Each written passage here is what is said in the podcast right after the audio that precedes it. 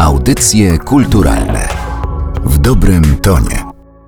Przy mikrofonie Aleksandra Galant rozpoczynamy audycje kulturalne, dziś poświęcone nie tylko artystom, ale także powstańcom, bo w powstaniu warszawskim udział brali wszyscy, którzy mieli siłę, energię i odwagę, by walczyć. Wśród nich byli również artyści, którzy znajdowali wiele sposobów, by okazać swoje przywiązanie i wierność Warszawie. Właśnie im poświęcona jest najnowsza książka Agnieszki Cubały Artyści 44, która ukazała się nakładem wydawnictwa Wielka Litera, a ja mam wielką przyjemność gościć w naszym studiu autorkę. Dzień dobry, jest mi ogromnie miło, że mogę być Państwa gościem. Napisała Pani dziewięć książek, których tematyka związana jest z powstaniem warszawskim.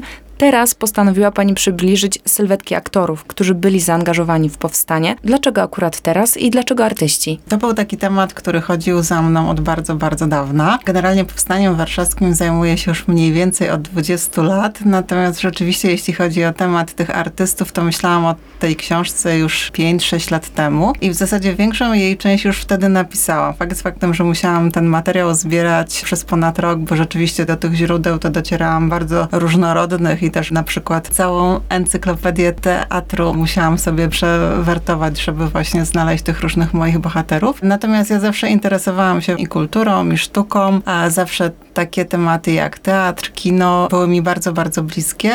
Kiedy byłam mała, z ogromną przyjemnością oglądałam sobie filmy ze starego kina. No i zawsze ten temat jakoś tak mnie faktycznie pasjonował. I w jakimś momencie postanowiłam połączyć te dwie moje pasje, właśnie i powstanie warszawskie, i ten temat artystów.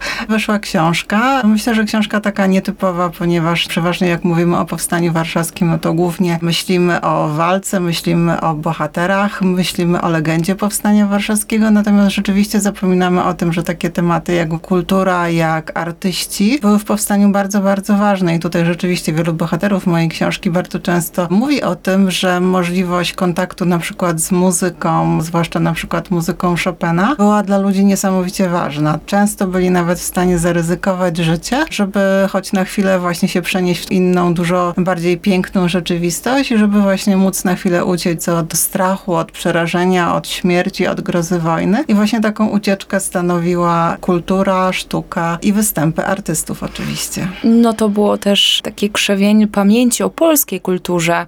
Aktorzy często recytowali wiersze poetów mhm. i oni w ten sposób, no można powiedzieć, działali ku pokrzepieniu serc. Zdecydowanie tak. To znaczy tutaj myślę, że taką niesamowitą postacią, o której warto w takim kontekście wspomnieć, to jest oczywiście Leon Schiller, który był właśnie zakochany w polskiej poezji przede wszystkim, ale również w polskiej muzyce. Zresztą on był zafascynowany także muzyką ludową i w ogóle sztuką ludową. I faktycznie on przygotował takie niesamowite przedstawienie, które się nazywało Kantata na otwarcie Teatru Narodowego. To przedstawienie zostało wystawione 15 sierpnia, czyli wtedy, kiedy właśnie był obchodzony Dzień Żołnierza. Zresztą to w ogóle był taki dzień, gdzie działo się bardzo, bardzo dużo, bo tych świąt było naraz kilka, bo z jednej strony oczywiście mamy święto żołnierza polskiego, ale z drugiej strony mamy też święto religijne. On przygotował takie specjalne przedstawienie, które zostało wystawione dokładnie 15 sierpnia w kawiarni u aktorek. Niestety zostało przerwane przez atak Niemców, no i właśnie w związku z tym, że tam akurat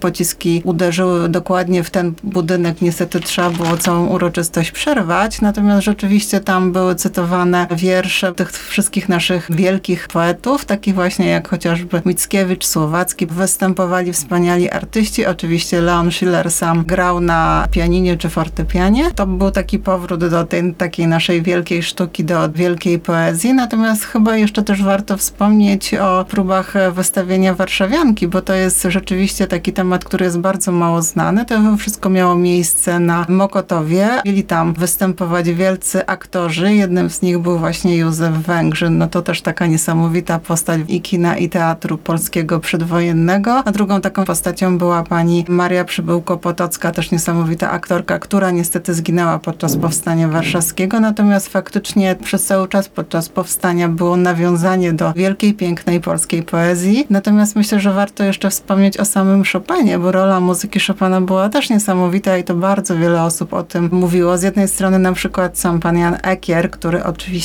w muzyce Chopina był zakochany był z nią związany przez wiele, wiele lat. I on z jednej strony właśnie bardzo często grał Chopina, zresztą przeważnie organizatorzy tych koncertów prosili go właśnie o to, żeby to był Chopin i żeby koniecznie była etiuda rewolucyjna, która rzeczywiście miała taki niesamowity ładunek emocjonalny w sobie. Zresztą tak naprawdę etiuda rewolucyjna bardzo często kojarzona jest przez ludzi z powstaniem listopadowym i tutaj te emocje były podobne. I jakby nawet mówi się o tym, że powstańcy słuchając tego swoje doświadczenia porównywali właśnie z tymi doświadczeniami swoich przodków, natomiast pani Mira Zimińska-Sygietyńska, która też no oczywiście była aktorką, przepięknie śpiewała, uczestniczyła oczywiście i w powstaniu i w koncertach, opowiadała o tym, że Chopina się zupełnie inaczej słuchało podczas powstania warszawskiego, że Chopin był jak zwykle wielki, natomiast no właśnie jak się było w filharmonii, no to ta atmosfera była zupełnie inna, bo tam przychodzili ludzie pięknie ubrani, kobiety właśnie w wieczorowych sukniach, panowie w białych koszulach, we frakach, natomiast tutaj na tej widowni byli powstańcy, którzy byli w mundurach, bardzo często przychodzili prosto z barykady, często był tam obecny, no właśnie, z jednej strony zapach potu, zapach krwi, natomiast z drugiej strony, no też ta atmosfera była związana z walką. Z jednej strony adrenalina, ale z drugiej strony tuż za oknem było słychać wybuchy, strzały, było takie ciągłe zagrożenie życia. I ona, ona czyli pani Mira Ziemińska-Sygietyńska opowiadała o tym, że jak w Filharmonii po każdym utworze były takie brawa niesamowite, to podczas powstania warszawskiego była taka wielka cisza po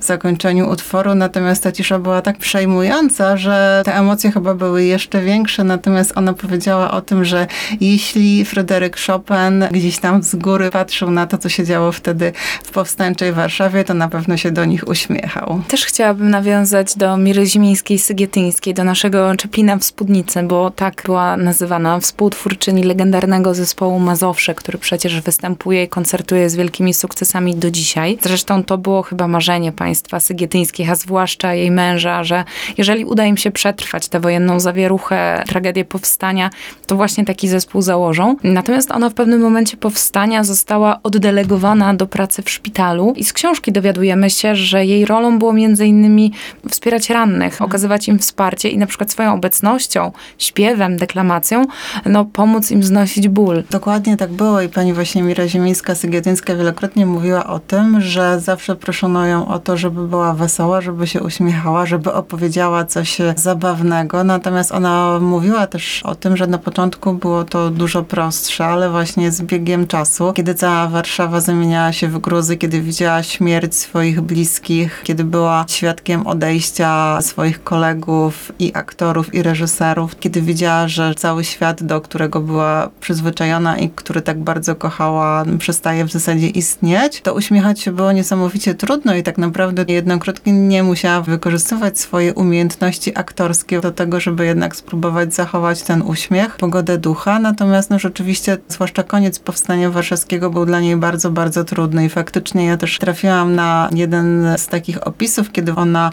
opowiada o tym, jak odchodził jej przyjaciel, wielki reżyser i ona do samego końca siedziała przy nim, trzymała go za rękę i byli w jakiejś piwnicy. On był już bardzo, bardzo ciężko ranny, natomiast właśnie nad nimi były światła świec i on mówi, Mira, zobacz, jakie niesamowite światło, ja chciałbym przeżyć, żeby wykorzystać to światło potem w filmach. Niestety akurat dokładnie na jej rękach ten reżyser zmarł. Takich sytuacji było bardzo, bardzo dużo, więc jakby no trudno się dziwić, że uśmiechać się też było trudno i trudno było być właśnie taką radosną, a niestety wszyscy o to prosili, ponieważ nie było już w tych szpitalach bardzo często środków znieczulających ból. Trzeba było przeprowadzać jakieś bardzo trudne, bardzo bolesne operacje. No i właśnie no, pani Mira była takim środkiem znieczulającym trochę.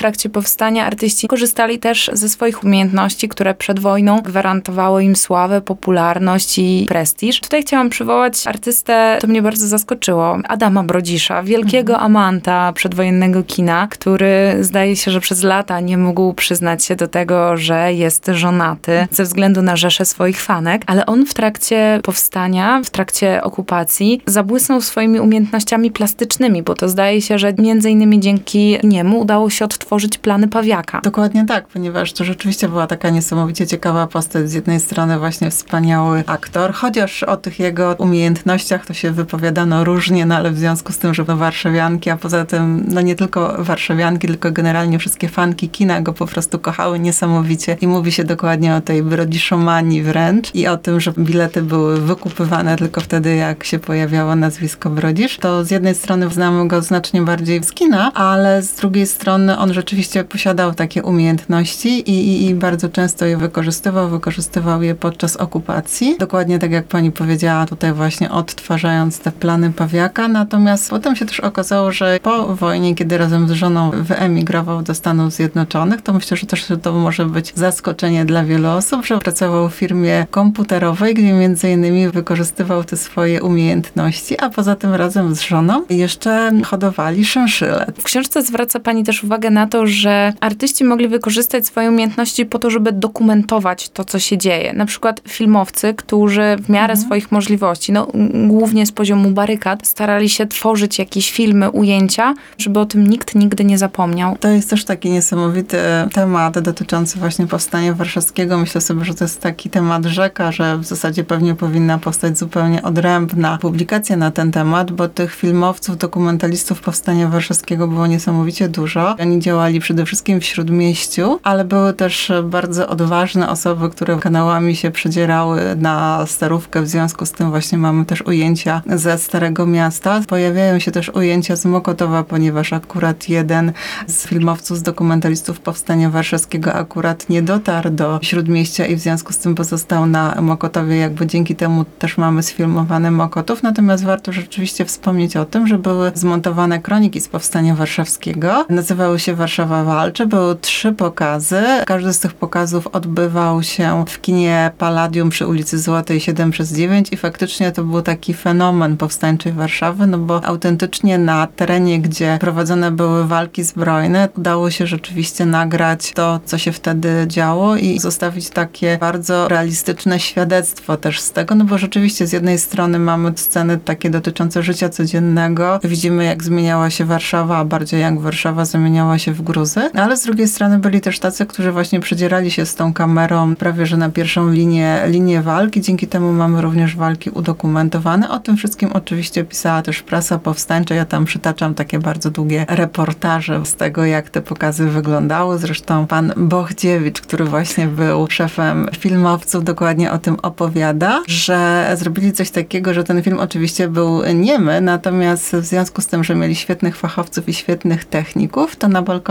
został zamontowany mikrofon i faktycznie zostały ustawione głośniki i te osoby, które były w kinie jakby jako publiczność, to wydawało im się, że po prostu mają do czynienia z lektorem, który faktycznie komentuje, natomiast filmowcy byli niesamowicie kreatywnymi osobami, potrafili sobie poradzić w każdej sytuacji i tak to wszystko wyglądało. To, co mnie bardzo zaskoczyło w trakcie lektury, to to, jak wiele postaci, które po wojnie wróciły na scenę, które kojarzę z filmów, spektakli, piosenek, brało udział w powstaniu warszawskim, bo są takie postaci, przykład Danuta Szaflarska, Lina Janowska, Mieczysław Fog, które w ten powstańczy krajobraz wpisały się dosyć mocno. Natomiast dla mnie dużym zaskoczeniem było to, że w powstaniu brał udział Zdzisław Maklakiewicz. Powiem pani szczerze, że miałam dokładnie taki sam odbiór tej sytuacji, bo to też było jedno z takich moich większych zaskoczeń, że akurat pan Maklakiewicz, on faktycznie uczestniczył w powstaniu jako szesnastolatek. Należał do batalionu Kiliński, rzeczywiście miał tam bardzo takie dramatyczne przeżycia. On bardzo niechętnie opowiadał o tym powstaniu i bardzo niewiele tak naprawdę dowiadujemy się o jego losach dzięki relacji, którą z jednej strony zostawiła córka i jego taki bardzo dobry kolega też jeszcze z czasów okupacji.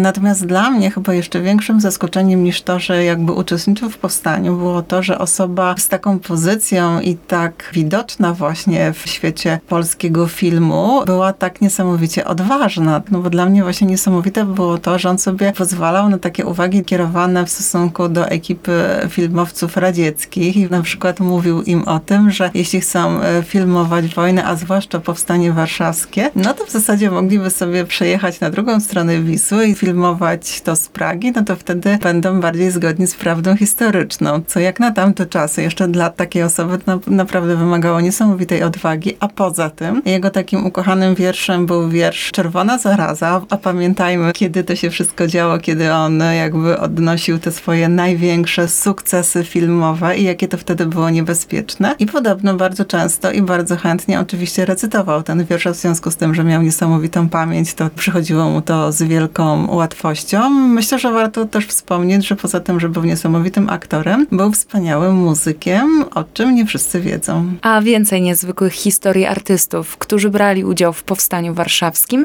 znajdziecie w książce Artyści 44, książce, która ukazała się nakładem wydawnictwa Wielka Litera, a której autorka, pani Agnieszka Cubała, była gościem dzisiejszego spotkania w audycjach kulturalnych. Bardzo dziękuję za rozmowę. Ja również bardzo dziękuję, było mi ogromnie miło. Audycje kulturalne w dobrym tonie.